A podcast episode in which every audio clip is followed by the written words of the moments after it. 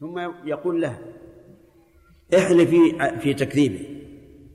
فتحلف بالله أربع مرات إنه لمن الكاذبين.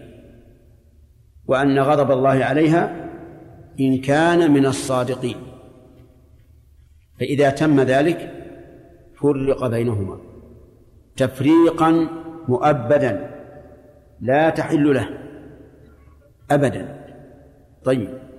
الملاعنة على الملاعن. طيب على على أبنائه مثلا. نرجع إلى الأصل في, في تحريم المصاهرة كما سيأتي إن شاء الله تعالى. قال ويحرم بالرضاع ما يحرم بالنسب. هذا لفظ الحديث. يحرم من من الرضاع ما يحرم من النسب. وأتى المؤلف بالباء يحرم بالرضاع أي بسبب الرضاع. ما يحرم بالنسب أي بسبب النسب. الرضاع معروف. هو سقي اللبن. سقي الطفل لبنا. والنسب القرابة. قال الله تعالى فإذا نفخ في الصور فلا أنساب بينهم يومئذ ولا يتساءلون. إذن عد من المحرمات بالرضاع كما تعد المحرمات بالنسب سواء بسواء. واضح؟ فمثلا الأم من الرضاع البنت من الرضاع الأخت من الرضاع بنت الأخ من الرضاع العمة من الرضاع الخالة من الرضاع. إن النبي صلى الله عليه وسلم أعطي أعطي جوامع الكلم وفواتح الكلم وفواصل الكلم فقال يحرم من الرضاع ما يحرم من النسب فطبق هذا على هذا. ولكن لا بد لا بد لذلك من شروط في الرضاع. أولا أن يكون الرضاع خمس رضعات فأكثر. هذا القول الراجح لحديث عائشة رضي الله عنها الذي رواه مسلم أنه كان فيما أنزل من من القرآن عشر رضعات يحرمن ثم نسخن بخمس معلومات. فإن نقص عن خمس فلا أثر له. إن نقص عن خمس فلا أثر له. ولا تقل ما الفرق بين الرابعة والسادسة مثلا. أو الخامسة. لا تقول هكذا. لماذا؟ لأن هذا حكم الله عز وجل. يجب التسليم له. كما أننا لا نقول لماذا كانت الظهر أربعا ولم تكن خمسا أو ستا. هذه مسائل توقيفية. طيب. فإن أرضى فإن رضع ثلاث مرات فلا تحريم. فلا تحريم. وقيل إنه يثبت التحريم بالثلاث لقول النبي صلى الله عليه وسلم لا تحرم الإملاج ولا الإملاجتان ولا المصة ولا المصتان. هذا أو معناه. فنقول إن دلالة هذا الحديث بالمنطوق أن الثلاث لا تحرم. ونحن نقول به لأننا إذا قلنا إن الأربعة لا تحرم إيش؟ فالثلاث من باب أولى. نحن نقول به. لكن مفهوم الحديث مفهوم الحديث أن أن أن الثلاث تحرم إلا أن هناك منطوقا وهو أن المحرم خمس رضع خمس رضعات والقاعدة عند أهل العلم أن المنطوق مقدم على المفهوم.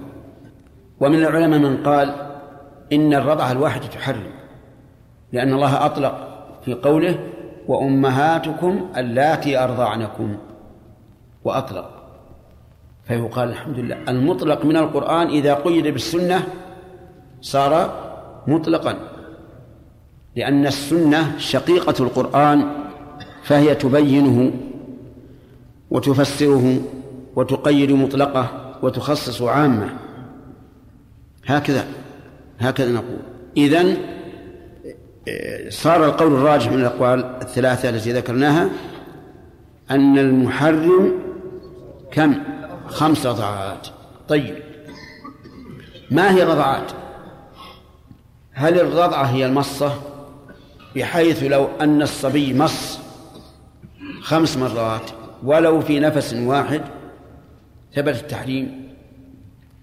أو الرضعة هي النفس هي النفس يعني أن يطلق الثدي ويتنفس ثم يعود. هذا احتمالان. أو أن الرضعة بمنزلة الوجبة يعني الرضعة منفصلة عن الأخرى. ما يكون في مكان واحد. في هذا أقوال للعلماء ثلاثة. والراجح الأخير. الراجح الأخير. وهو اختيار شيخنا عبد الرحمن بن سعدي رحمه الله. ووجه ذلك أننا لا نحكم بتحريم المرأة مثلا إلا بدليل لا يحتمل التأويل ولا يحتمل أوجها أخرى.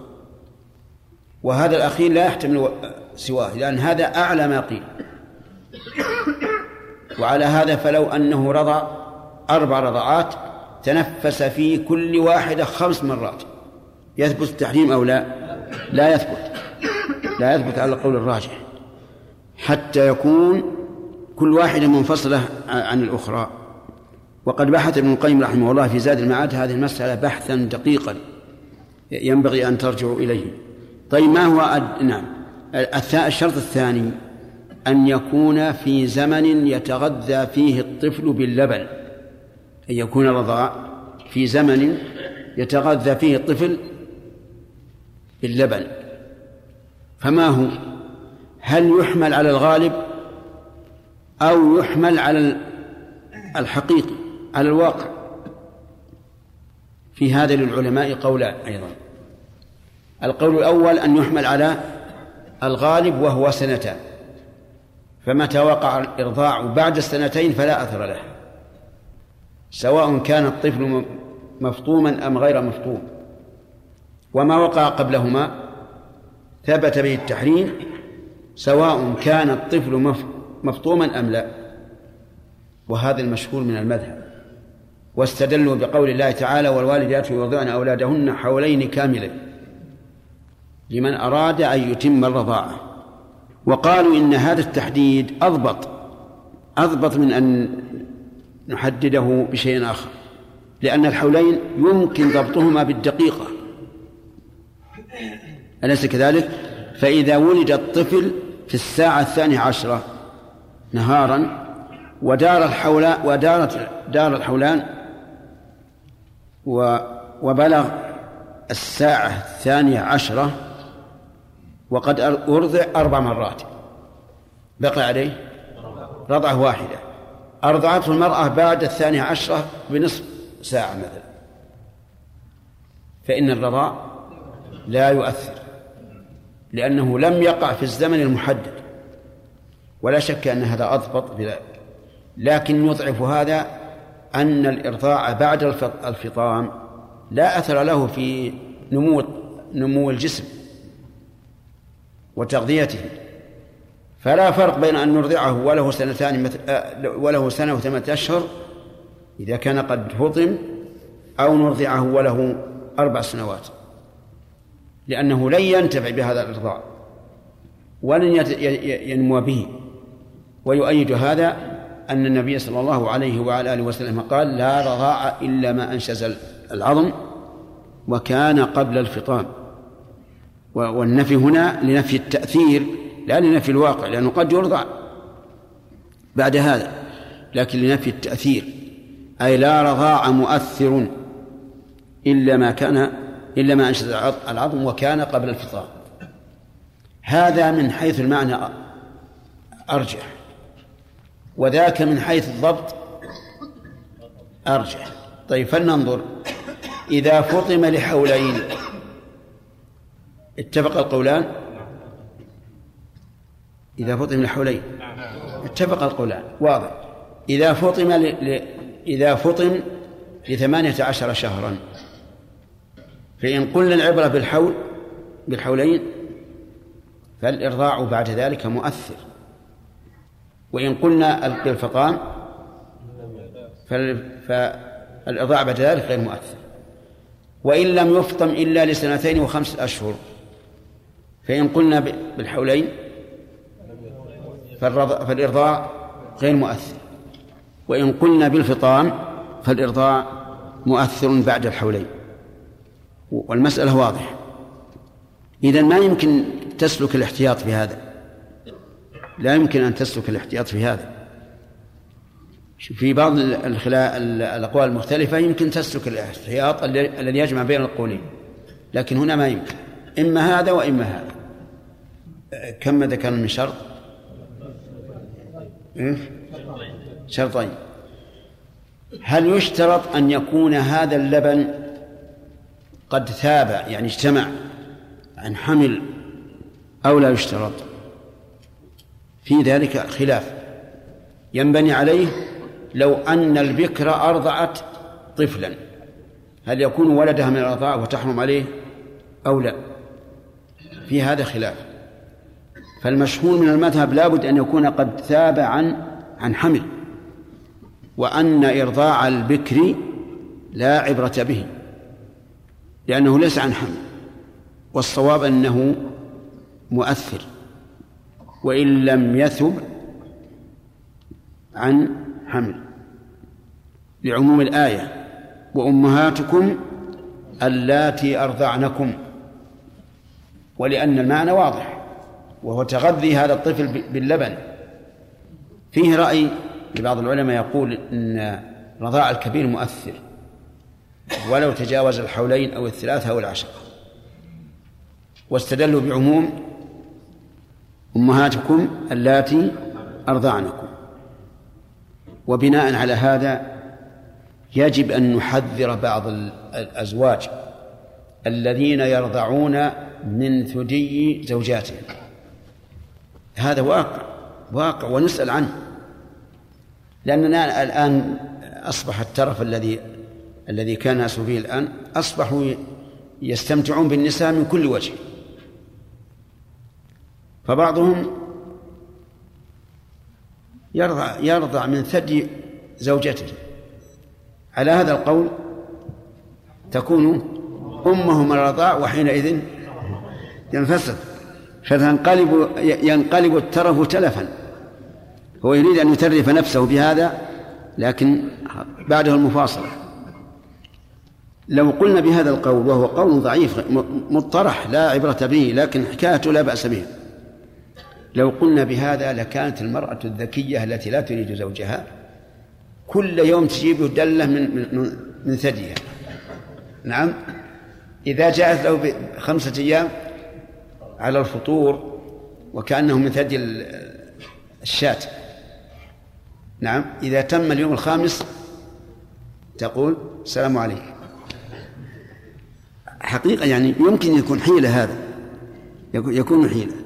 المهم أن هذا قول مطرح ولا عبرة به لأنه كما قلنا لكم السنة يجب أن تكون مقيدة للقرآن لأن الله تعالى قال وأطيعوا الله وأطيعوا الرسول لعلكم ترحمون.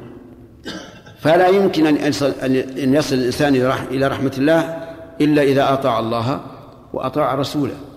والسنة هي قول الرسول عليه الصلاة والسلام أو فعله أو تقريره.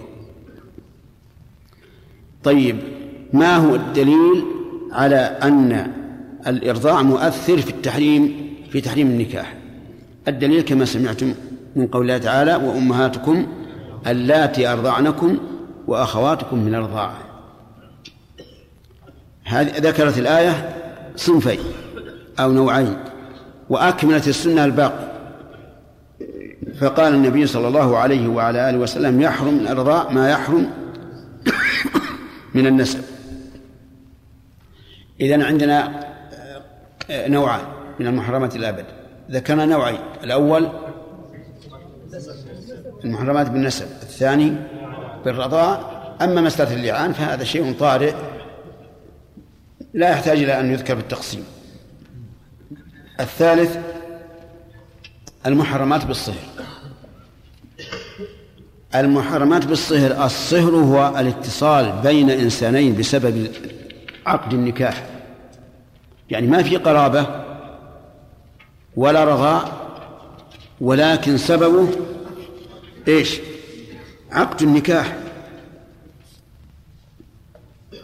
يقول مالك رحمه الله في هذا نعم قبل قبل ندخل قال إلا أم أخته وأخت ابنه. أم أخته أم أخته من الرضاع. ما تحرم عليه. ومن النسب تحرم عليه. النسب تحرم عليه. كيف ذلك؟ أم أختك من النسب إما أن تكون أمك وإما زوجة أبيك. وإما زوجة أبيك. إن كانت زوجة أبيك فهي حرام عليك بالمصاهرة. أم أختك من الرضاع ما هي أم ليست زوجة أبيك بل هي زوجة رجل آخر. فإذا ارتضعت أختك من الرضاع نعم ارتضعت أختك امرأة رضعت من امرأة هل يجوز لك أن تتزوج أمها؟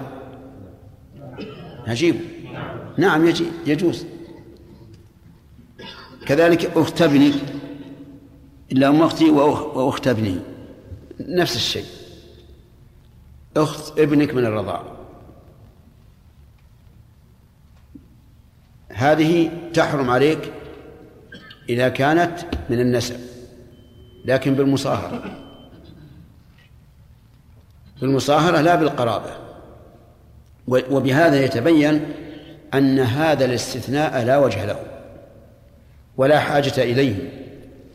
ولو كان هذا محتاجا إليه لكان الرسول صلى الله عليه وسلم صلى الله عليه وعلى آله وسلم أول من أول من يستثنيه.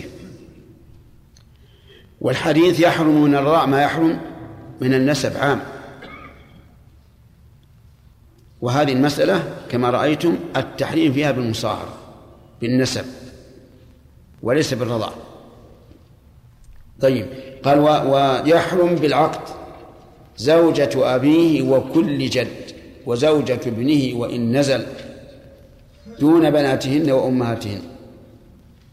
وتحرم أم زوجته وجداتها بالعقد وبنتها وبنات أولادها بالدخول. هذا المحرم بالصاهرة بالمصاهرة أربعة أنواع.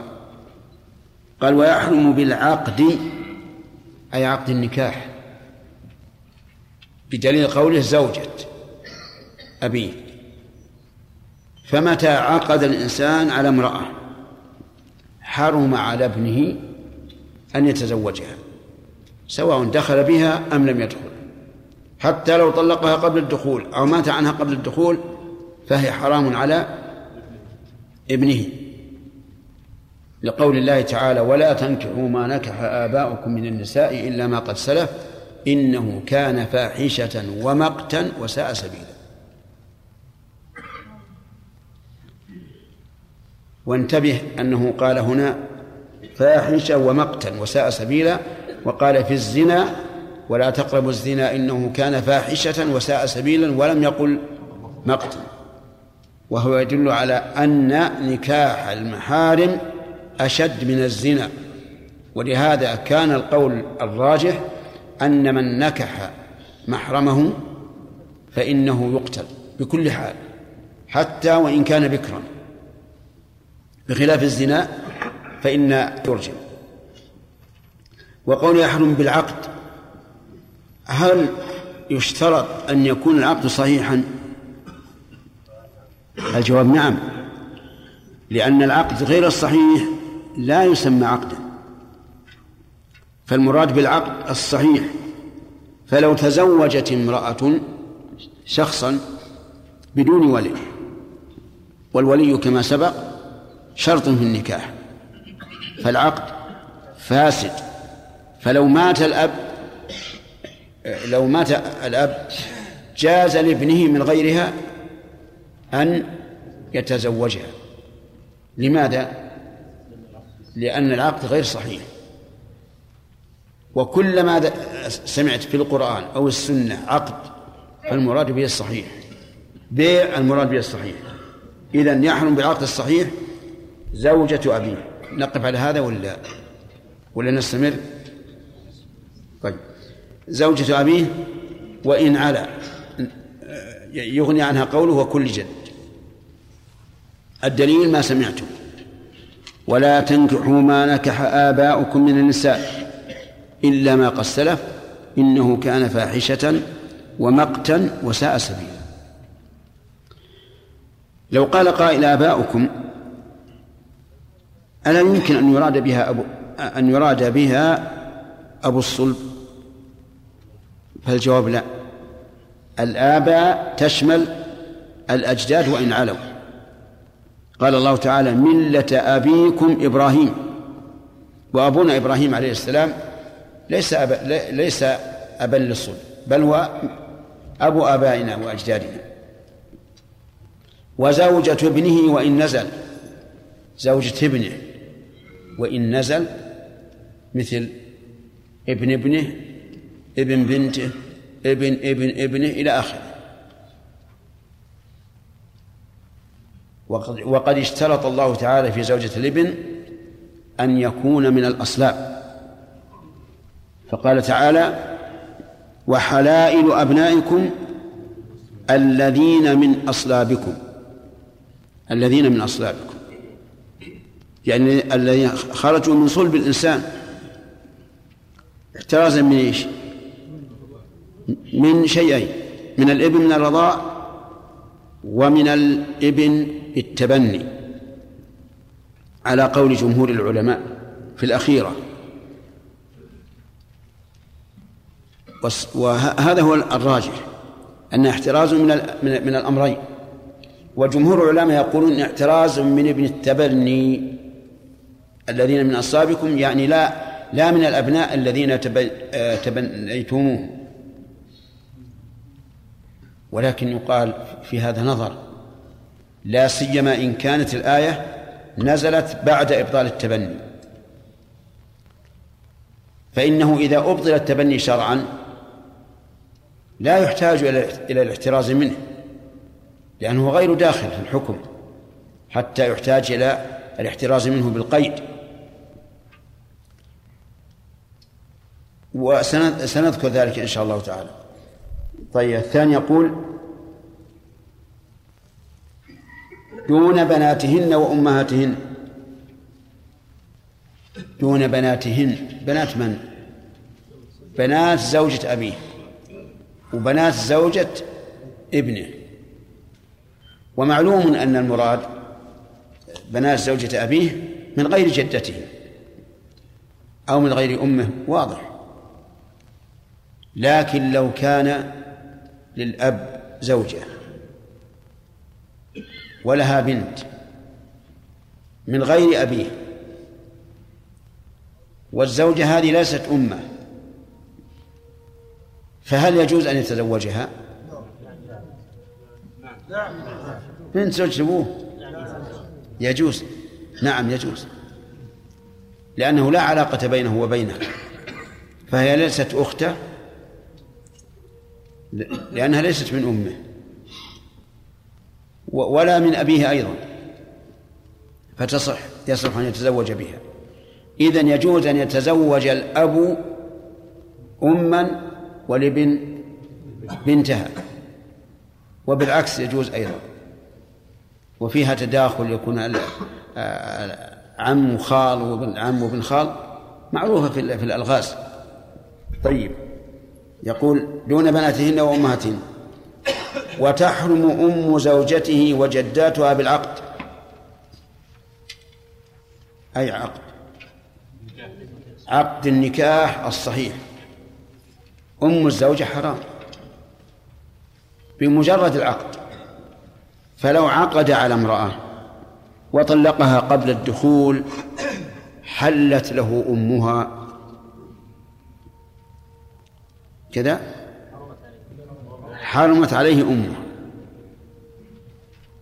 حرمت عليه أمها لأن الله أطلق. قال أمهات نسائكم.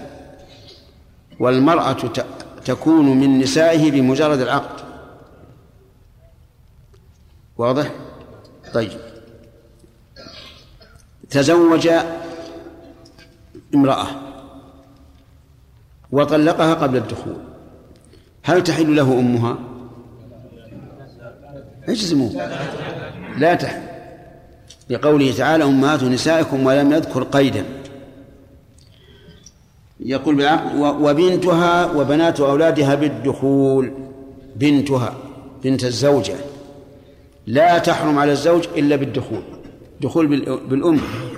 والمراد بالدخول هنا الوطي يعني الجماع. فلو تزوج امرأة ودخل عليها وخلا بها ولم تعجبه وطلقها. فهل يتزوج بنتها؟ نعم يتزوج بنتها سواء كانت من زوج سابق أو من زوج لاحق. لقول الله تبارك وتعالى وربائبكم اللاتي في حجوركم من نسائكم اللاتي دخلتم بهن. ويأتي إن شاء الله بقية الكلام على هذا لأنه يحتاج إلى شرح. الله نعم يا سليم بالنسبة يرضعون من أزواجهم من أزواج من زوجاتهم. نعم. بالنسبة للتحليل ما التحليل يا شيخ هذا ما ما ورد في السنة هو الشيء هو الشيء ورد في السنة الرسول صلى الله عليه وسلم فاتوا منه منه ما استطعتم وما نهيتكم عنه بنته هذا ما ورد في السنة يا شيخ أن يرضى أن الزوج يرضى اي لكن لكن صار الآن. صار واقعا بالنسبة للتحليل التحليل والتحريم يا شيخ. اي ما حكم هذا لا لا تحرم عليه. لا لا هو الزواج ها. آه يعني هل اللبن حلال أو لا؟ إيه. هذا سؤال آه يعني غير ما يتعلق بالتحريم يعني هل يجوز للإنسان أن يشرب لبن زوجته؟ هذا السؤال؟ طيب هل يجوز أن يشرب لبن أمه؟ يجوز لا بعد الفطام بعد ما صار رجل. لا لا لا لا بعد ما صار رجل. رجل كبير. نعم كان له إخوان صغار. وفي يوم من الأيام قال يا, يا أمي أنا ودي أشرب من لبن بالنسبة بالنسبة يا شيخ السؤال بس هل يجوز ولا ما يجوز؟ قبول النفس لا يجوز. لا تقبل النفس. لا تقبل كيف؟ اذا صار حلو وطيب وغليظ. شيء ما جرت عليها العادة المهم على كل حال ما نستطيع أن نقول حرام. لأن لأن الأصل في المأكولات والمشروبات. الحل ولكن صحيح إن إن الإنسان قد يكره هذا لكن ترى يا يا أخ سليم ترى بعض الأزواج الآن من شدة المحبة لزوجاتهم أو من باب الترفه التام يرغب إنه يمصمص ثدي زوجته النفوس يا شيخ. تختلف يا رجال النفوس تختلف. بعض النفوس يا شيخ تميل للحرام أكثر مما تميل للحرام. لا لا لا ما, ما نقدر نقول حرام. لا. ما هو عن نفس الشيخ ما جرى ما ما جرى في العادة وقرر الشرع اشياء غرائب يا, يا سليم نسمع عن هالأمور هذه غرائب. يحيى.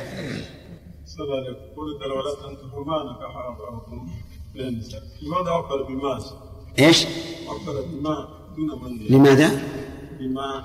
اي اي ولا تنكحوا ما نكح اباؤكم لأن الغالب أن الإنسان يتزوج المرأة لأوصافها فإذا كان المقصود الوصف عبر بما كقوله تعالى فانكحوا ما طاب لكم من النساء أما إذا قصد التعيين فبمن؟ نعم. ها؟ من عن ما في كذا مواضع وما عن ما لا لا ما هو صحيح هذا غير صحيح. يعني لا يمكن أن تنوم منابها في موضع يقتضي أن تأتي بماء أو بالعكس. يعني يثبت أن أوضعت فلان أو أو فلان وبعد مدة تقول لا ما أرضعت يعني تتراجع وتتراجع فما المأول؟ العلماء عموم كلامهم أن من رجع في شهادته كأنه لم يشهد. لكن إذا علمنا أن المرأة مثلا اختل اختل ذاكرتها فلا عبرة. أنا فاهم بارك الله فيك. تجزم بالأول أنها أرضعت. ثم تتذكر ويتبين لها أنها أرضعت طفلة أخرى ماتت مثلا. أو أرضعت طفلة أخرى غير هذه وهي موجودة الطفلة الأخرى. المهم متى علمنا أن الرجوع عن الشهادة كان لخلل في ذاكرتها؟ فلا عبرة. وإن علمنا أنه حق وتقول الله أنا أنا نسيت فشهدت. والآن تيقنت أني ما أرضعتها لكن لو شهدت بذلك ضرت ابنتها يعني شهدت امرأة أنها أرضعت ضرت ابنتها نعم؟ هي متهمة نعم. آدم؟ بعض الناس يعني كل قريب من جهة من جهة الأب يسمونها عم. مثلا ابن ابن عم الأب وابن خالته كذلك ومنها عم. كيف؟ بعض الناس إيه؟ يعبرون كل من كان قريبا له من جهة ابيه كل من كان قريبا. نعم من جهة ابيه يعبرونها بالعم يقول عم؟ نعم. أخو أبيه عم صح. كذلك ولو كان من جهه امه يسمي عم؟ نعم. مثلا ابن خالته إيه. يسمي عم صار أكبر منه. نعم. يمكن لأجل الكبر. يعني التعميم للكبير هذا وارد.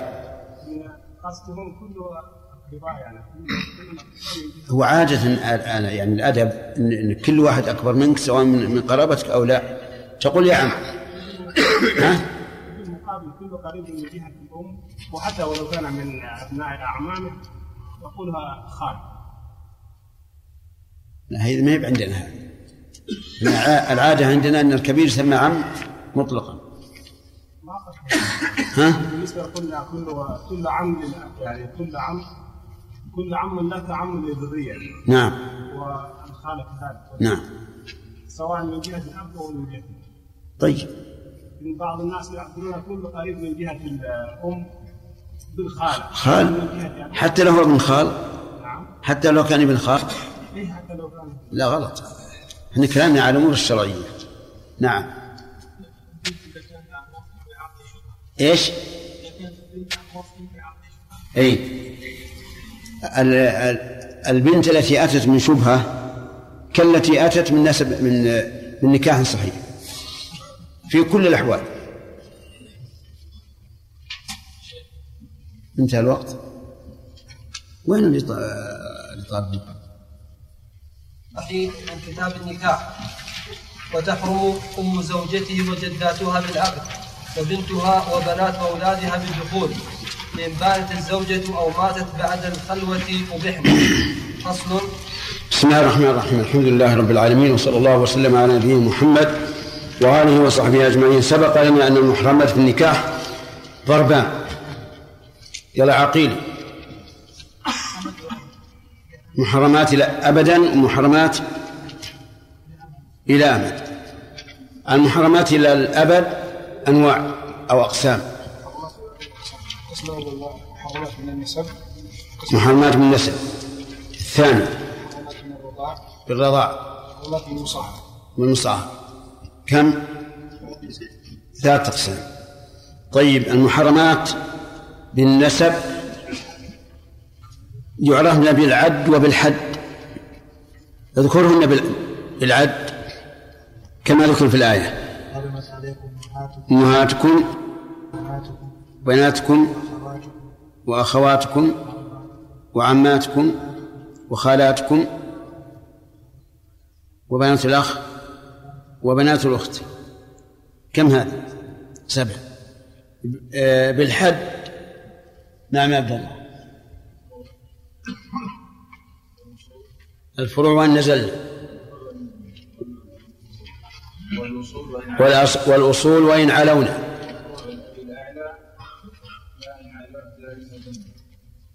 شلون؟ وأنا ما أراك تبدا بالاب الاعلى ها؟ فروع الاب الأدنى وان نزل؟ لا إن نزلنا. تعبير عجيب. وفروع الأب الأعلى. نعم. كيف؟ وين نعم. لا إن نزلنا أهون طيب. آه، من هم فروع الأب الأعلى؟ علي.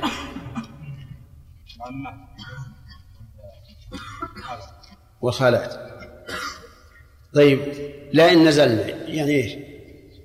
بنات العم بنات الخال. وبنات العمة والخالة أيضا. لا يحرم طيب تمام. أما الدليل فال- فالآية الكريمة واضحة. المحرمات بالرضاع. يحرمن بالحد وبالعد. نعم. أردت عمرا قال صلى الله عليه وسلم من الرضاع ما من هذا بال- بالحد. بالعد. عد من الآية. الآية. الأمهات كلها من الرضاعة. الأمهات. والبنات. والبنات. والأخوات. والعمات. والخالات. والخالات. وبنات الأخ. وبنات الأخ وبنات الأخت. هكذا إذا طبقنا الحديث. يحرم من الرضاع ما يحرم من النسب والرضاعة تحرم ما تحرمه الولادة. المحرمات بالصهر أيضا لهن حد وعد. محمد. وحد. لا. عد أذكر العد نشوف. الحد زوجة العد. أنت تقول عد. العد نعم. أم الزوجة. وإن علت؟ نعم. بنتها وإن نزلت؟ طيب أم الزوجة وأنا أنثى بالعقد ولا بالدخول؟ أم الزوجة وإن علت؟ بالعقد. بالعقد. وبنتها وإن نزلت؟ بالدخول. طيب. هات. أم الزوجة وإن علت؟ وبنتها وإن نزلت؟ بالدخول. على من؟ على الزوج. طيب. وعلى الزوجة. الأ- أب الزوج وإن علا وابن الزوج نزل وابن الزوج نزل تمام. بالعقد ولا بالدخول؟ بالعقد اصبر اصبر. بالعقد ولا بالدخول؟ قل بالعقد ولا بالدخول؟ بالعقد هذا بال... بال... بالعد بالحد. الحد. محرمات بالصهر بالحد. نعم. غلط. سبحان الله. ما ما ذكرناها. ما ذكرناها؟ طيب. بسم الله الرحمن الرحيم. بالحد نقول بالنسبة للزوجة أصول الزوج وفروعه. أصول الزوج وفروعه. وإن علوا وإن نزلوا. الأصول وإن علوا والفروع وإن نزلوا. بالنسبة للزوج أصول الزوجة وإن علونا. هؤلاء الثلاثة يثبت فيهن التحريم بمجرد العقد الرابع فروع الزوجة وإن نزلنا والمراد على الزوج لكن بشرط إيش؟ بشرط الدخول اسمع الدليل لهذا قال الله تعالى ولا تنكحوا ما نكح آباؤكم من النساء إلا ما قد سلف من هؤلاء؟ ولا تنكحوا ما نكح آباؤكم من النساء. من هؤلاء؟ يا أخوان. فروع الزوج. هؤلاء فروع الزوج. ما نكح آباؤكم. أب... الأب فرعه الابن والخطاب موجه لمن؟ للأبناء. ولا تنكحوا ما نكح آباؤكم من النساء. هنا في الآية الكريمة فروع الزوج على الزوجة. واضح؟ طيب. يعني زوجة الأب وإن على وقال الله عز وجل أمهات نسائكم. أمهات نسائكم. هذه أصول الزوجة وإن علونا على الزوج. أمهات نسائكم. ربائبكم اللاتي في حجوركم من نسائكم اللاتي دخلتم بهن هؤلاء فروع الزوجة. اشترط الله فيها أن أن يكون قد دخل بأمها. فإن لم تكونوا دخلتم بهن فلا جناح عليكم. طيب إذا أمهات نسائكم وإن علون حرام على الزوج. ربيبة الزوج اشترط الله فيها شرطين. فقال وربائبكم اللاتي في حجوركم. هذا قيد. من نسائكم اللاتي دخلتم بهن. هذا قيد آخر. فاشترط الله تعالى في تحريم الربيبة اشترط شرطين. أن تكون الربيبة التي هي بنت الزوجة في حجر الزوج. يعني أنها مع أمها. لما تزوجت الرجل جاءت ببنتها معه والثاني أن يكون دخل بأمها. طيب. هذان الشرطان ذكر الله تعالى مفهوم أحدهما ولم يذكر مفهوم الآخر. فقال فإن لم تكونوا دخلتم بهن فلا جناح عليكم. ولم يقل وإن لم يكن في حجوركم فلا جناح عليكم. فصرح بمفهوم القيد الثاني وهو قوله اللاتي دخلتم بهن وسكت عن مفهوم الأول. فيستدل بهذا على أن مفهوم القيد الأول غير معتبر. يعني على أن القيد الأول غير معتبر لأن الله تعالى لم يذكر مفهومه. واضح؟ الحمد لله. يهديكم الله الصبر أفهمتم الآن؟ طيب إذن نقول لا يشترط في تحريم الربائب إلا شرط واحد وهو أن يكون قد دخل بأمهاتهن يعني بالزوجة. القيد الأول أكثر العلماء على أنه غير معتبر وهو قولها اللاتي في حجوركم. وإن كان فيه قول للسلف والخلف أنه شرط ولكن نقول ليس بشرط لأن الله تعالى صرح بمفهوم القيد الثاني فدل ذلك على أن مفهوم القيد الأول غير معتبر. فإن قال قائل إذا كان غير معتبر فعلى أي شيء تخرجون الآية؟ فالجواب أننا نخرج أننا نخرجها بناء على على الغالب وإشارة للعلة. أما كونه بناء على الغالب فلأن الغالب أن بنت الزوجة إذا تزوجت من بعد زوجها الأول تكون معه. هذا الغالب لا سيما في صدر الإسلام. وأما الثاني وهو الإشارة إلى العلة فكأنه قال إنها تحرم على الزوج لأنها كبناته. إذ أنها إيش؟ في حجره. وهو ينظر إليها نظر مرب لها. نظر مرب لها. فليس من المناسب أن يدخل عليها وينكحها. فيكون إذن القيد. الفائدة منه أنه مبني على الغالب والثانية الإشارة إلى تعليل الحكم. وهو أنها لما كانت في حجره كأنها صارت كأنها ابنته. ولذلك تجدها مثلا بنت لها سبع سنين عشر سنين اثنى عشر سنة اثنتا عشرة سنة تأتي إلى زوج أمها تقدم له الطعام وتكشف وجهها له وكأنها بنته تماما. وهذا القول الذي عليه الجمهور هو الراجح أنه لا يشترط في تحريم الربيبة على زوج أمها إلا يا خالد. إلا شرط واحد وهو الدخول بأمها. طيب.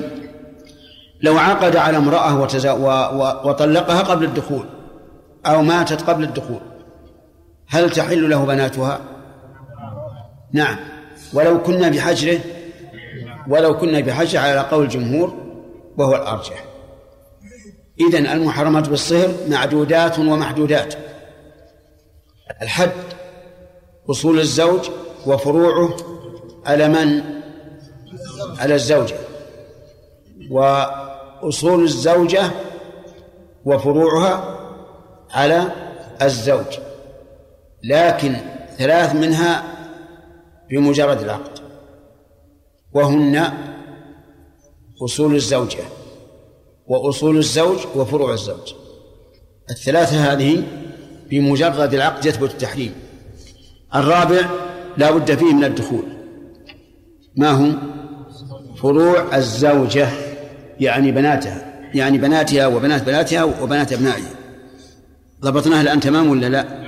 طيب. هل يحرم هل يثبت التحريم في هؤلاء الأربعة أو في هؤلاء الأربعة؟ إذا كنا من الرضاع. بمعنى هل يحرم على الزوجة أبو زوجها من الرضاع وابن زوجها من الرضاع وعلى الزوج بنت زوجته من الرضاع وأم زوجته من الرضاع؟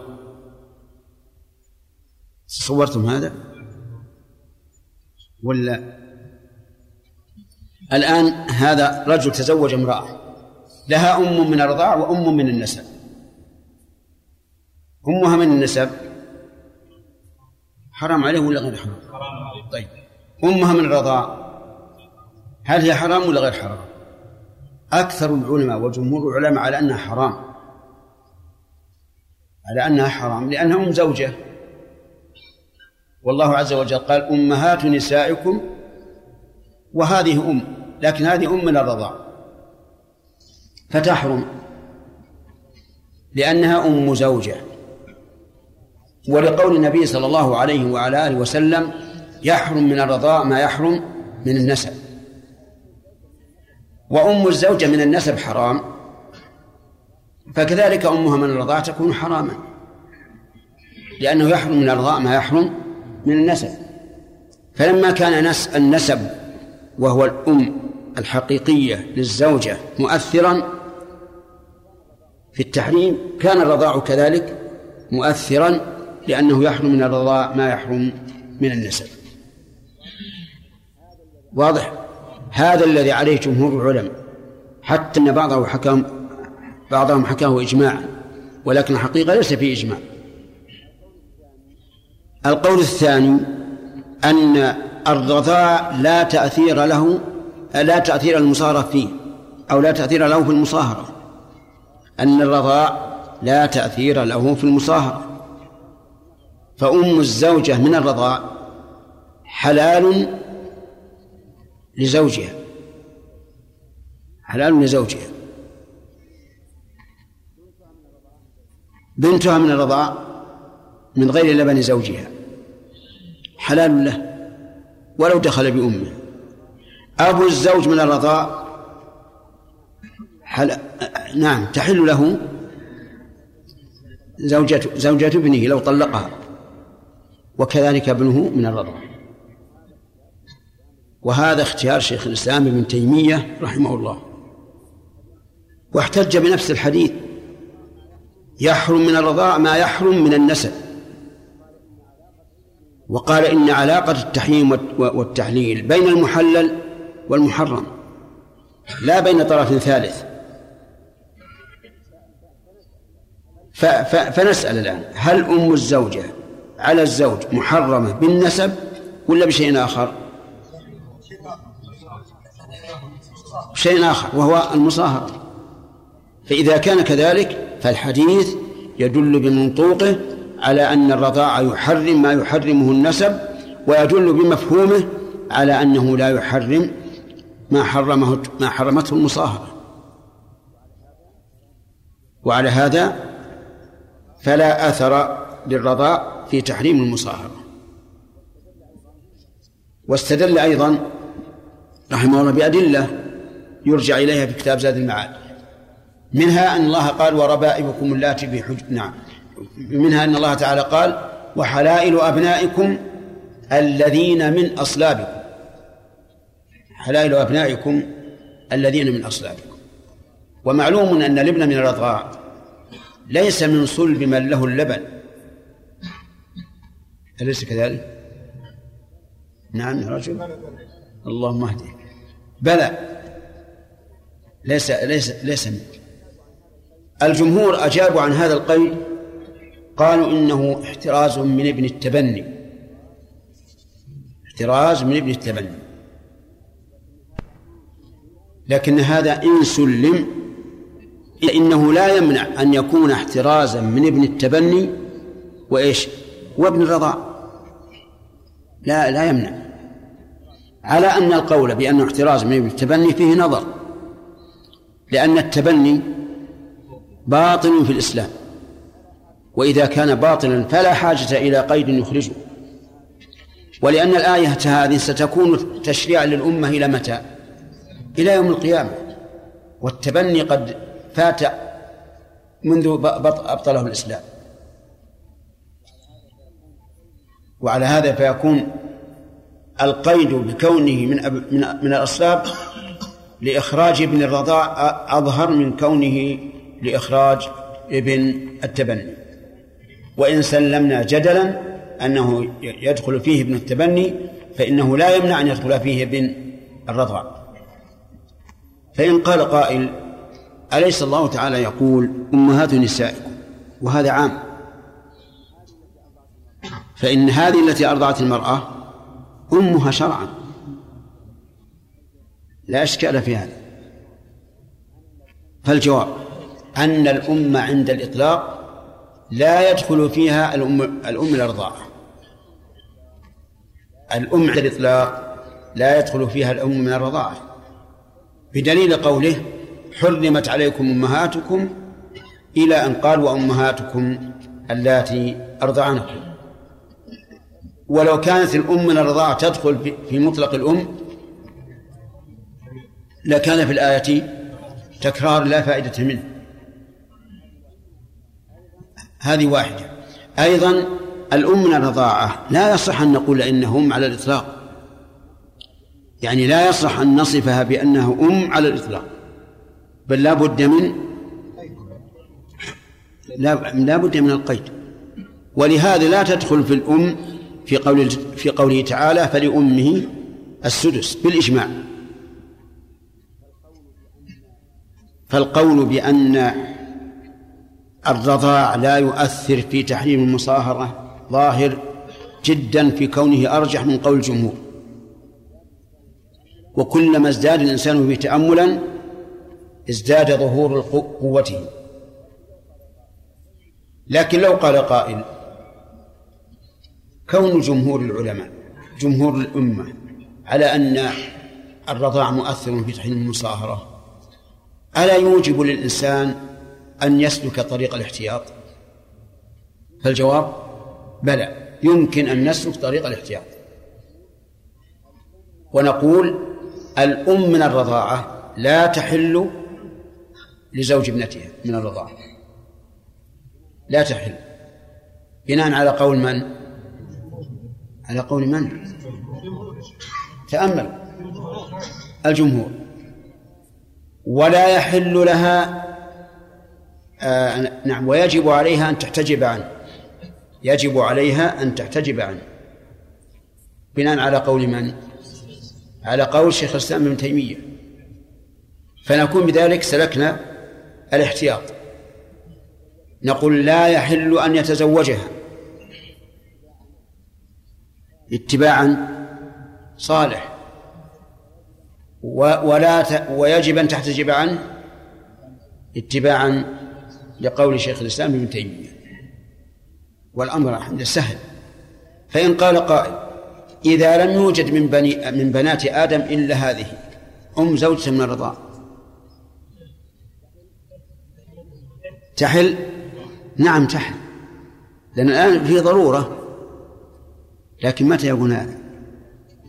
متى يكون هذا ونساء بني آدم أكثر من من رجالهم؟ هذا لا يعني فرضا. أقول لو سلك هذا المسلك لكان مسلكا له أصل في الشرع. له أصل في الشرع. أصله في الشرع قصة سودة بن سمعة. حينما تخاصم سعد بن أبي وقاص وعبد بن زمعة فقال في في في غلام كان ادعاه سعد بن أبي وقاص وقال إنه ابن أخي عهد به إلي فاريده فقال عبد بن زمعه يا رسول الله إنه ولد وليدة أبي ولد على فراشي ومعلوم أن الولد لمن؟ للفراش إذا ادعاه صاحب الفراش. حتى لو علمنا أنه من الزاني قطعا وادعاه صاحب الفراش فهو لصاحب الفراش. فقال عد فقال السعد يا رسول الله انظر إلى شبهه انظر إلى شبه الغلام. فنظر إليه فوجد شبها بينا بعتبة. مما يدل على أنه خلق من من ماء. ثم قال النبي صلى الله عليه وسلم الولد للفراش وللعاهر الحجر واحتجبي منه يا سودة فقضى به لزمعة على أنه ابنه وأمر سودة أن تحتجب منه على سبيل إيش؟ على سبيل الاحتياط. لأنه رأى شبها بينا. فأعمل النبي صلى الله عليه وسلم السببين احتياطا. أمر السبب نعم أعمل السببين احتياطا. فما دام هذا الأمر له أصل في الشريعة فلا حرج أن نسلك هذا المسلك ونقول بالاحتياط. لا تتزوج أم زوجتك من الرضاع ولا ولتحتجب عنك ونعمل بهذا وهذا. وما دام له أصل في الشريعة فإنه يعمل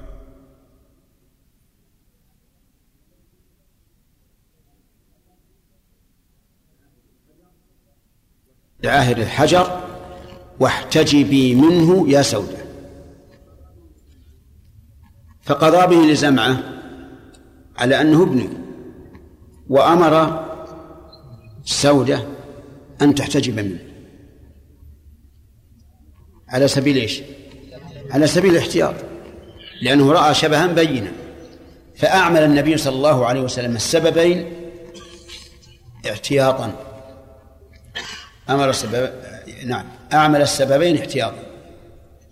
فما دام هذا الأمر له أصل في الشريعة فلا حرج أن نسلك هذا المسلك ونقول بالاحتياط.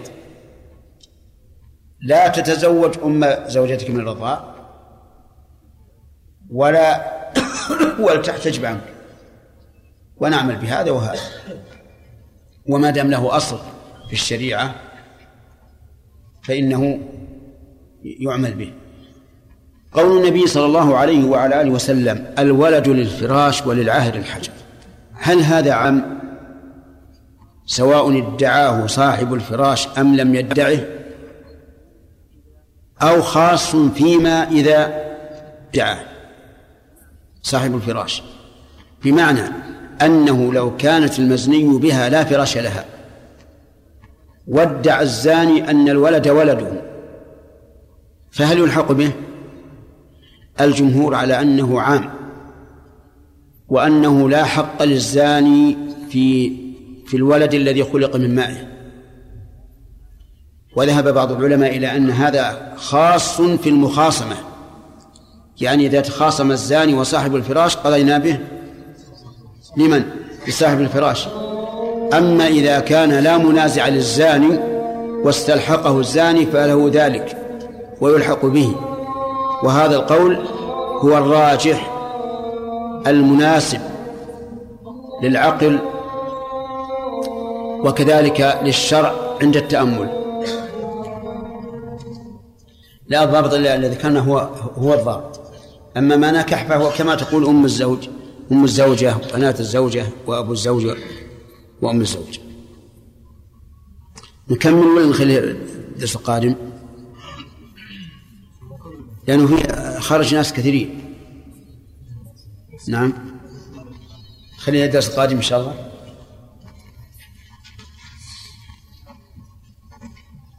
نعم يا يحيى. إذا.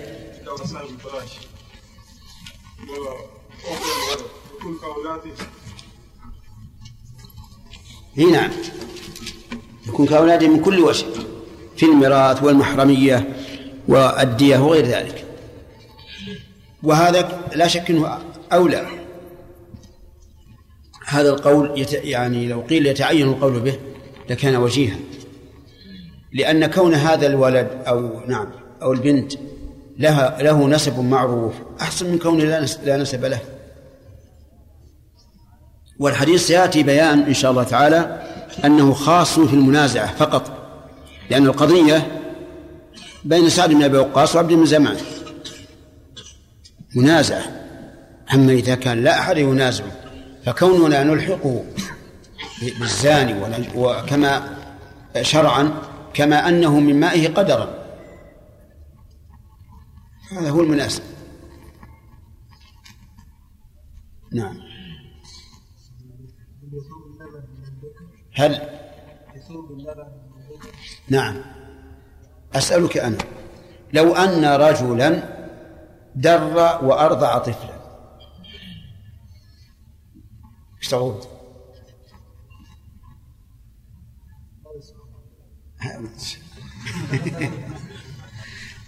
هذا السؤال أسألك. واحد كان محل الثدي منه كبير شوي وأراد الله سبحانه وتعالى أن مصمصه طفل ودر عليه. أجب. يسوي دلو ولا لا؟ نعم. رجل؟ رجل. رجل شاب وممتلئ لحما وثندؤته ما شاء الله. كبيرة. فجعل هذا الطفل يمصمص حتى در. نعم. ها؟ لا يحرم. طيب. البكر قال بعض أهل العلم إنها من جنس الرجل لا تحرم والصحيح أنها تحرم وأن البكر قد يدر لبنها على الطفل. ها؟ وإن لم تبلغ نعم. ما دام الأمر خاضع للواقع. أما الغالب نعم. الغالب أنه ما يحصل. نعم. بسم الله الرحمن الرحيم. قال المصنف رحمه الله تعالى في كتاب النكاح في باب محرمات النكاح. إن بانت الزوجة أو ماتت بعد الخلوة أبحن أصل وتحرم إلى أمد أخت معتدته وأخت زوجته وبنتهما وعمتاهما وخالتاهما وطلقت وفرغت وفرغت العدة أبحن وإن تزوجهما في عقد أو عقدين معا بطلا أو عقدين معا بطلا فإن تأخر أحدهما أو وقع في عدة أخرى وهي بائن أو رجعية بطل وتحرم المعتدة والمستبرأة من غيره والزانية حتى تتوب وتنقضي عدتها. ومطلقته ثلاثا حتى يطأها زوج غيره والمحرمة حتى تحل. بسم الله الرحمن الرحيم. الحمد لله رب العالمين وصلى الله وسلم على نبينا محمد وعلى آله وصحبه أجمعين سبق لنا أنه يحرم في المصاهرة أربعة أنواع أو أربعة أصناف. يحرم أبو الزوجة أبو الزوجة أبو أبو الزوجة أبو الزوج يحرم؟ لا أبو الزوجة آه. يحرم. يعني أصول الزوج. قل أصول الزوج عشان يشمل أباه وجده من أمه أو أبيه. طيب هذا واحد. والثاني يحيى. فروع الزوج. يحرم على الزوجة أبناؤه وأبناء أبنائه وأبناء بناته. هكذا. اجزم. طيب. ويحرم على الزوج أصول الزوجة أمها وجداتها. من قبل الأم ومن قبل الأب. تمام. فروع الزوجة وهن بناتها وبنات أبنائها وبنات بناتها وإن نزلت. لكن بشرط. نعم. بشرطين. أن يدخل بأمه.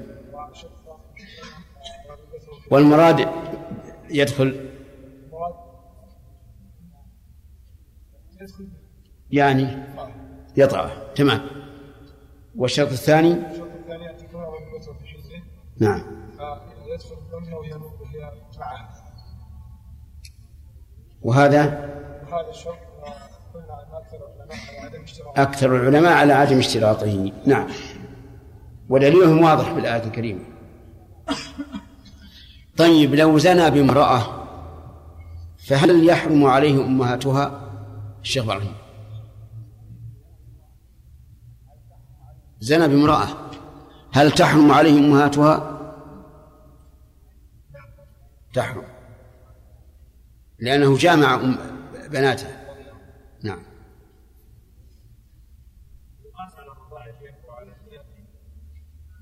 إيه؟ نعم. آدم؟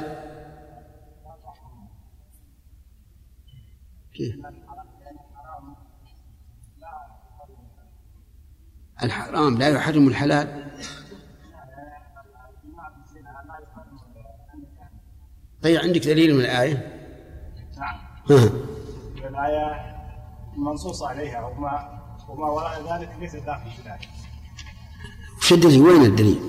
من الآية من من من نسائه لا تتقدم به لا هذه الربيبة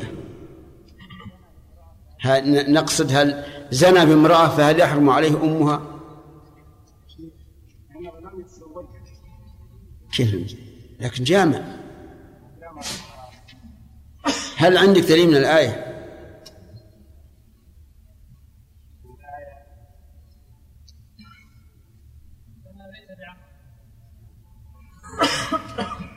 نعم. طيب فزاع الله قال وأمهات نسائكم وهي لا تنسب له المزني بها ليست من النساء. صحيح؟ هذا واضح. إلحاق المزني بها بالزوجة غلط محض. لأن الله قال أمهات نسائكم والمزني بها ليست من نسائه. ثم قال بعد ذلك وأحل لكم ما وراء ذلك. وإنك لتعجب من بعض العلماء رحمهم الله أن يقولوا إن الزنا كالنكاح في هذا. فيقيس الباطل على الصحيح.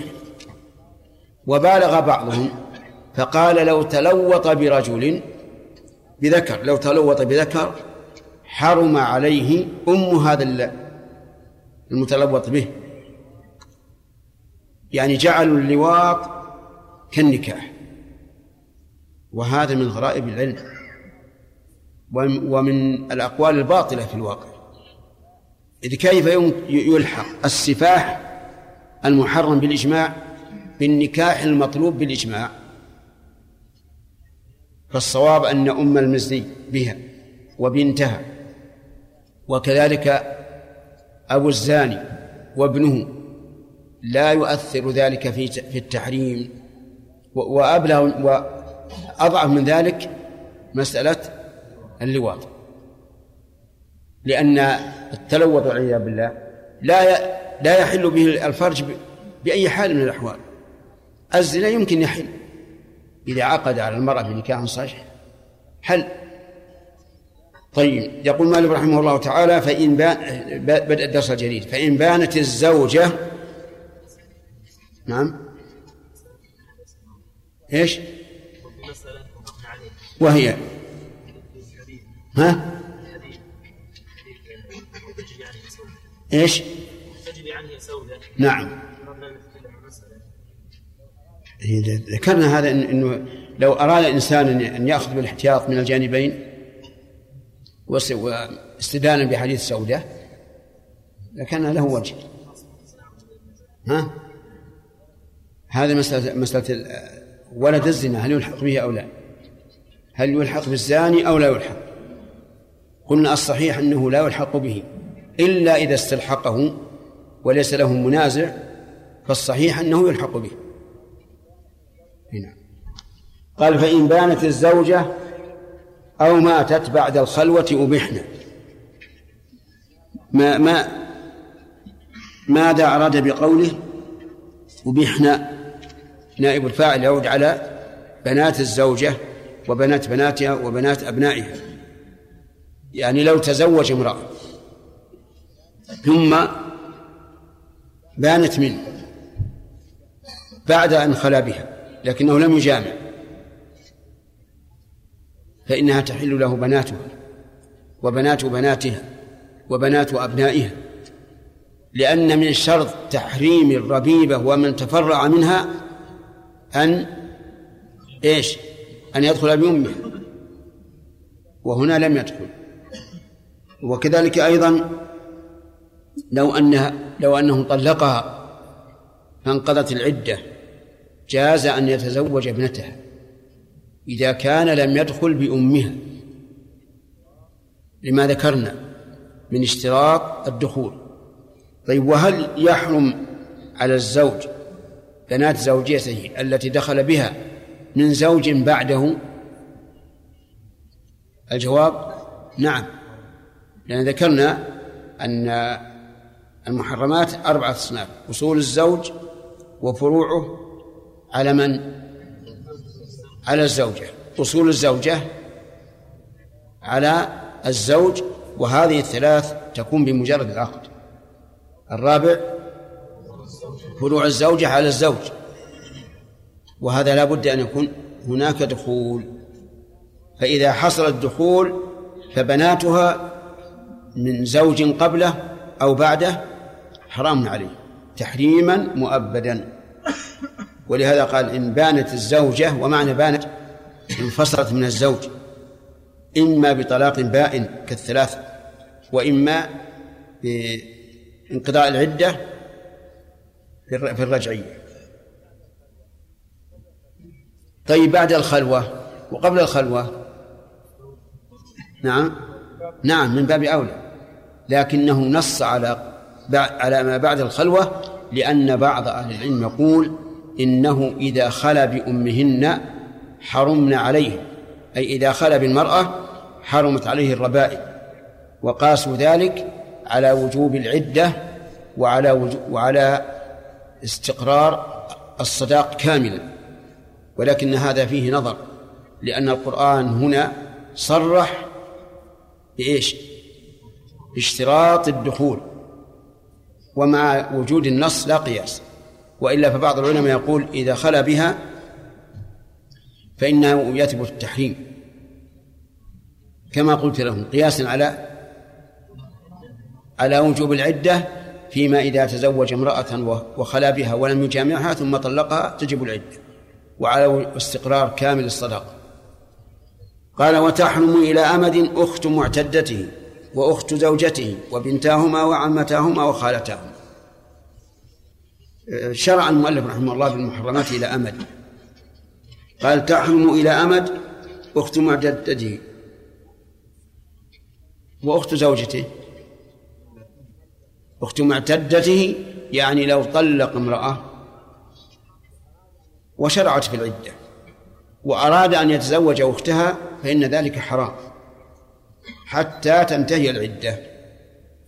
أخت زوجته من باب أولى. أن تحرم. لأنه إذا حرمت المطلقة ما دامت في العدة فغير المطلقة من باب أولى ولهذا قال وأخت زوجته التي لم تطلق. وهنا تسامح من المؤلف رحمه الله حيث قال تحرم أخت معتدته وأخت زوجته لأن أخت معتدته وأخت زوجته لا تحرم عليه. فالقرآن لم ينص على أن أخت زوجته حرام عليه ولا على أن أخت معتدته حرام عليه. أليس هكذا يا جمعة؟ كيف ذلك؟ كيف ذلك ما نص عليه؟ إيه نعم. وأن تزوجوا أخت زو... أخوات زوجاتك. قال أن تجمعوا. فالمحرم هو الجمع. أما نفس الزوجة فليست محرمة. يعني ليست موصوفة بأنها حرام. بخلاف الأم والبنت والمحرمة وما أشبه ذلك. هذه موصوفة بأنها حرام. أما مسألة أخت الزوجة فهي حرام ما هي حرام عليك. المحرم أن تجمع بينهما. فلنعبر بما عبر به القرآن وهو صريح. قال أن تجمعوا بين الأختين طيب. آه إذن أخت الزوجة حرام. أخت المعتدة إن على كلام المؤلف أنه حرام. لكن الصواب أن في ذلك تفصيلا. إن كانت العدة بائنة. عدة بائنة. لا تحل للزوج إلا بعد زوج كالمطلقة ثلاثا فله أن يتزوج أختها. وذلك لأن الزوجة بانت بينونة كبرى. وإن كانت رجعية أو بينونتها صغرى فإنها لا تحل. الرجعية واضح هي التي طلقها على غير عوض.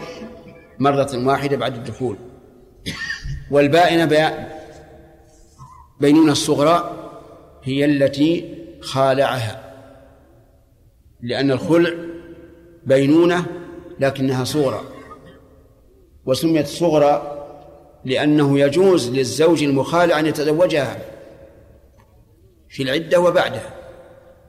البينونة الكبرى البائن بالطلاق الثلاث. وعلى هذا فالمعتدات ثلاثة أنواع رجعية وهي التي يمكن أن يراجعها بدون عقد وبائن بينونة صغرى وهي التي له أن يتزوجها بعقد بدون مراجعة. يعني ما ما يملك المراجعة لكن يملك أن يعقد عليه. والثالثة بائنة بينونة كبرى وهي التي طلقها آخر ثلاث تطليقات. فهذه بائن بينونة كبرى لا تحل له إلا بعد زوج بالشروط المعروفة. المهم إن أن أخت معتدته ظاهر كلام المؤلف أنها حرام سواء كانت رجعية أو بائنة بينونة صغرى أو بائنة بينونة كبرى. والصحيح أنه إذا كانت بائنة بينونة كبرى فإنها تحل له. لأن البائن بينونة الكبرى لا يمكن الرجوع إليها. طيب. وبنتاهما. بنت من؟ بنت زوجة. لكن نعم. أخت مجدته وأخت زوجته وبنتاهما أو بنت الأخت. بنت الأخت ما هي بنت الزوجة؟ لأن بنت الزوجة مما يحرم تحريما مؤبدا كما سبق. لكن بنت أختها. وكذلك أيضا عمتاهما وخالتاهما. ولو أن المؤلف رحمه الله وغيره من العلماء أتوا بالآية والحديث لكان أوضح وأبين وأجلى. قال الله تعالى وأن تجمعوا بين الأختين.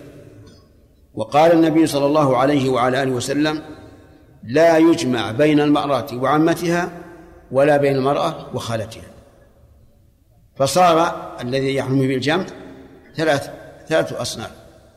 الأختان والعمة وبنت أخيها والخالة وبنت أختها. هذا اللي يحرم بينهم الجمع بينهن الجمع. وهذا أوضح مما قال المؤلف. وأبين وأيضا هو حكم ودليل. واضح يا جماعة؟ طيب. بنت العم مع بنت عمها. لا يا أخي. بنت العم وبنت هو وبنت عمه. تحل؟ تحل. صحيح. لأن ما سوى الثلاث فهن حلال. ما سوى الثلاث فهن حلال. واضح؟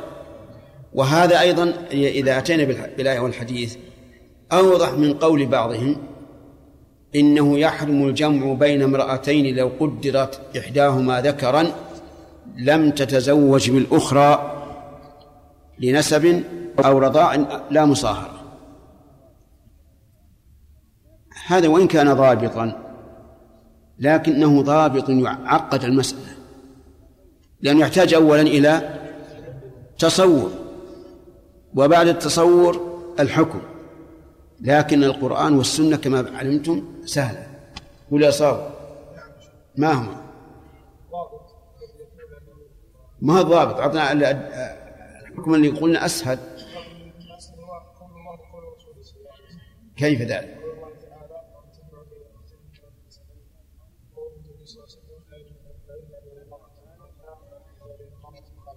قول الله تعالى وأن تجمعوا بين الأختين وقوله تعالى وقول النبي صلى الله عليه وعلى آله وسلم لا يجمع بين المرأة وعمتها ولا بين المرأة وخالتها.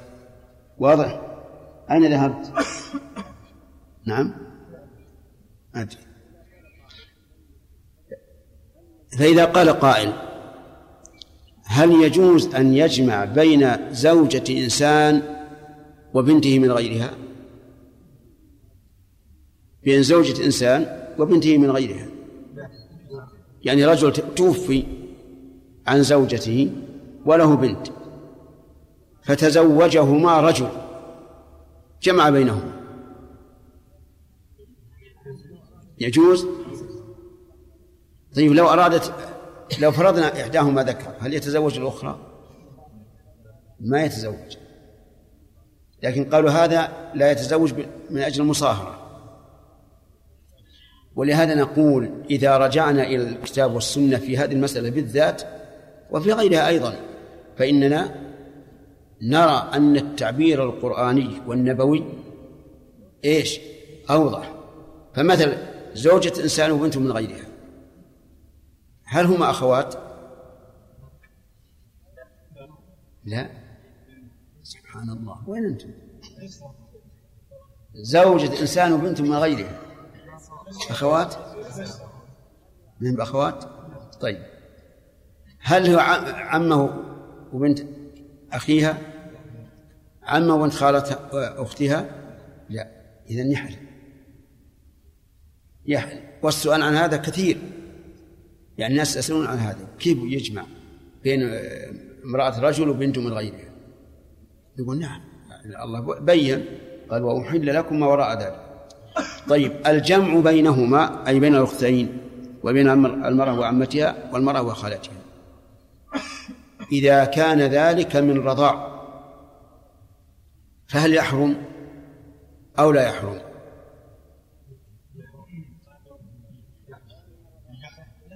نعم. أختان من الرضاع عمه بنت أخيها عمه خاله بنت أختها. يحرم؟ طيب.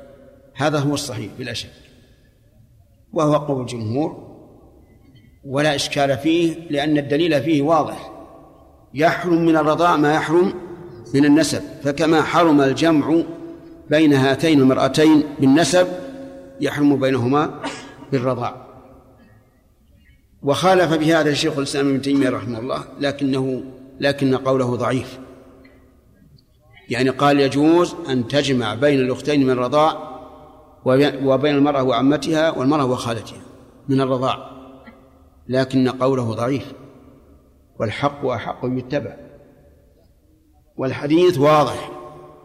يحرم من الرضاع ما يحرم من النسب سواء كان معنى أو عينا. فما يحرم فما يحرم من النسب عينه من النساء يحرم من الرضاع. وما يحرم لمعنى فيه يحرم كذلك من الرضاع. وعلى هذا فلا يجمع بين الأختين من رضاع ولا بين امرأة وعمتها أو بين امرأة وخالتها من الرضاع. تمام؟ قولوا نعم ولا لا؟ نعم؟ ها نعم. هذا هو الصواب. طيب. وهنا نسأل هل المحللات محدودات أو معدودات؟ ها؟ محدودات.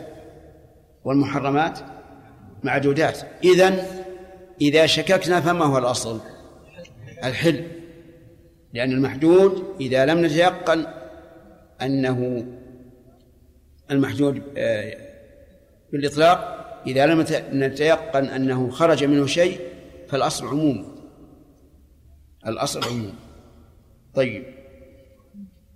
وخالتهما فإن طلقت وفرغت العدة أبحنا إن طلقت وفرغت العدة أبحن من يعني بأبحن أخت الزوجة وعمتها وخالتها. ولكن اشترط المؤلف وفرغت العدة. وظاهره أنه ما دامت العدة باقية فهن حرام. سواء كانت العدة عدة بينونة أو لا. ولكن نعود إلى ما سبق. الراجح أنه إذا كانت بينونة كبرى نعم فلا حرج. لا حرج. لأنه الآن لا يمكن الجمع بينهم. ما دامت البينونة بينونة كبرى بينونة كبرى فإنه لا يمكن الجمع. أما البينونة الصغرى والرجعية فلا يجوز أن يتزوج أخت من كانت عدتها عدة بائن بينونة الصغرى أو رجعية البائن بينونة صغرى من هي سعد؟ هذا جعود. اسمك؟ سعد. إذا أنتما سعدان؟ طيب. من هي البينون البائن بينونة الكبرى؟ نعم. المطلقة ثلاث طلقات. اصبر اصبر. هذه بينونة كبرى. وما هي البينونة الصغرى؟ آدم. لا ما أريد المثال. التعريف. خطأ. دي ما عليها عدة يا رجل. هذه ما عليها عدة.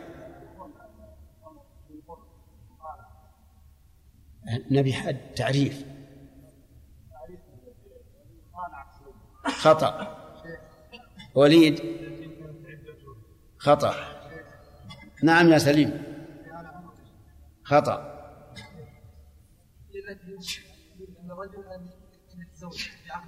يعني التي لا تحل إلا بعقد هذه البينونة الصغرى كل من لا تحل إلا بعقد كل معتدة لا تحل إلا بعقد فهي بائن بينونة صغرى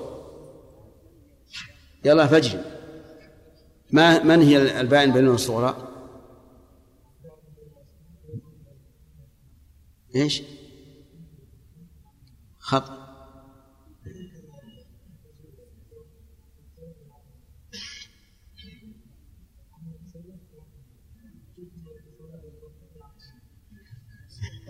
كل امرأة يمكن تتزوجها بعقد جديد حتى اللي ما طلقت.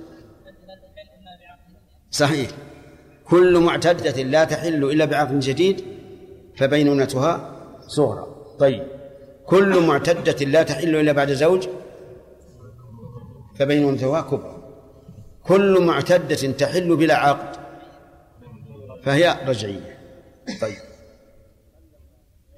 أقول إذا طلق الزوجة طلاقا بائنا بينونة كبرى حلت أختها على القول الراجح. أما على ما ما مشى عليه الأصحاب فإنه لا فإنها لا تحل. وإن تزوجهما في عقد أو عقدين معا بطلا. إن تزوجهما أي الأختين في عقد أو في عقدين معا جميعا. بطل. أما في عقد فالمثال فيه سهل. بأن يقول الأب للشخص زوجتك ابنتي هاتين. فيقول قبلت. فهنا ما الذي يصح نكاحها؟ لا يصح نكاح واحد منهما لأنه لا مزية لأحدهما على الآخر. فلا يصح. لا يصح العقد لا على هذه ولا على هذه. كيف نعمل؟ نقول عين واحدة. قل زوجتك بنتي فلانة ويصح العقد. على واحدة. أو عقدين معا. تزوجهما في عقدين معا. كيف ذلك؟ هذا لا يتصور إلا بوكالة.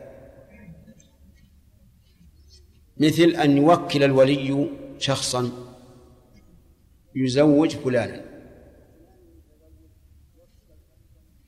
وفلان المتزوج وكل شخصا يقبل له.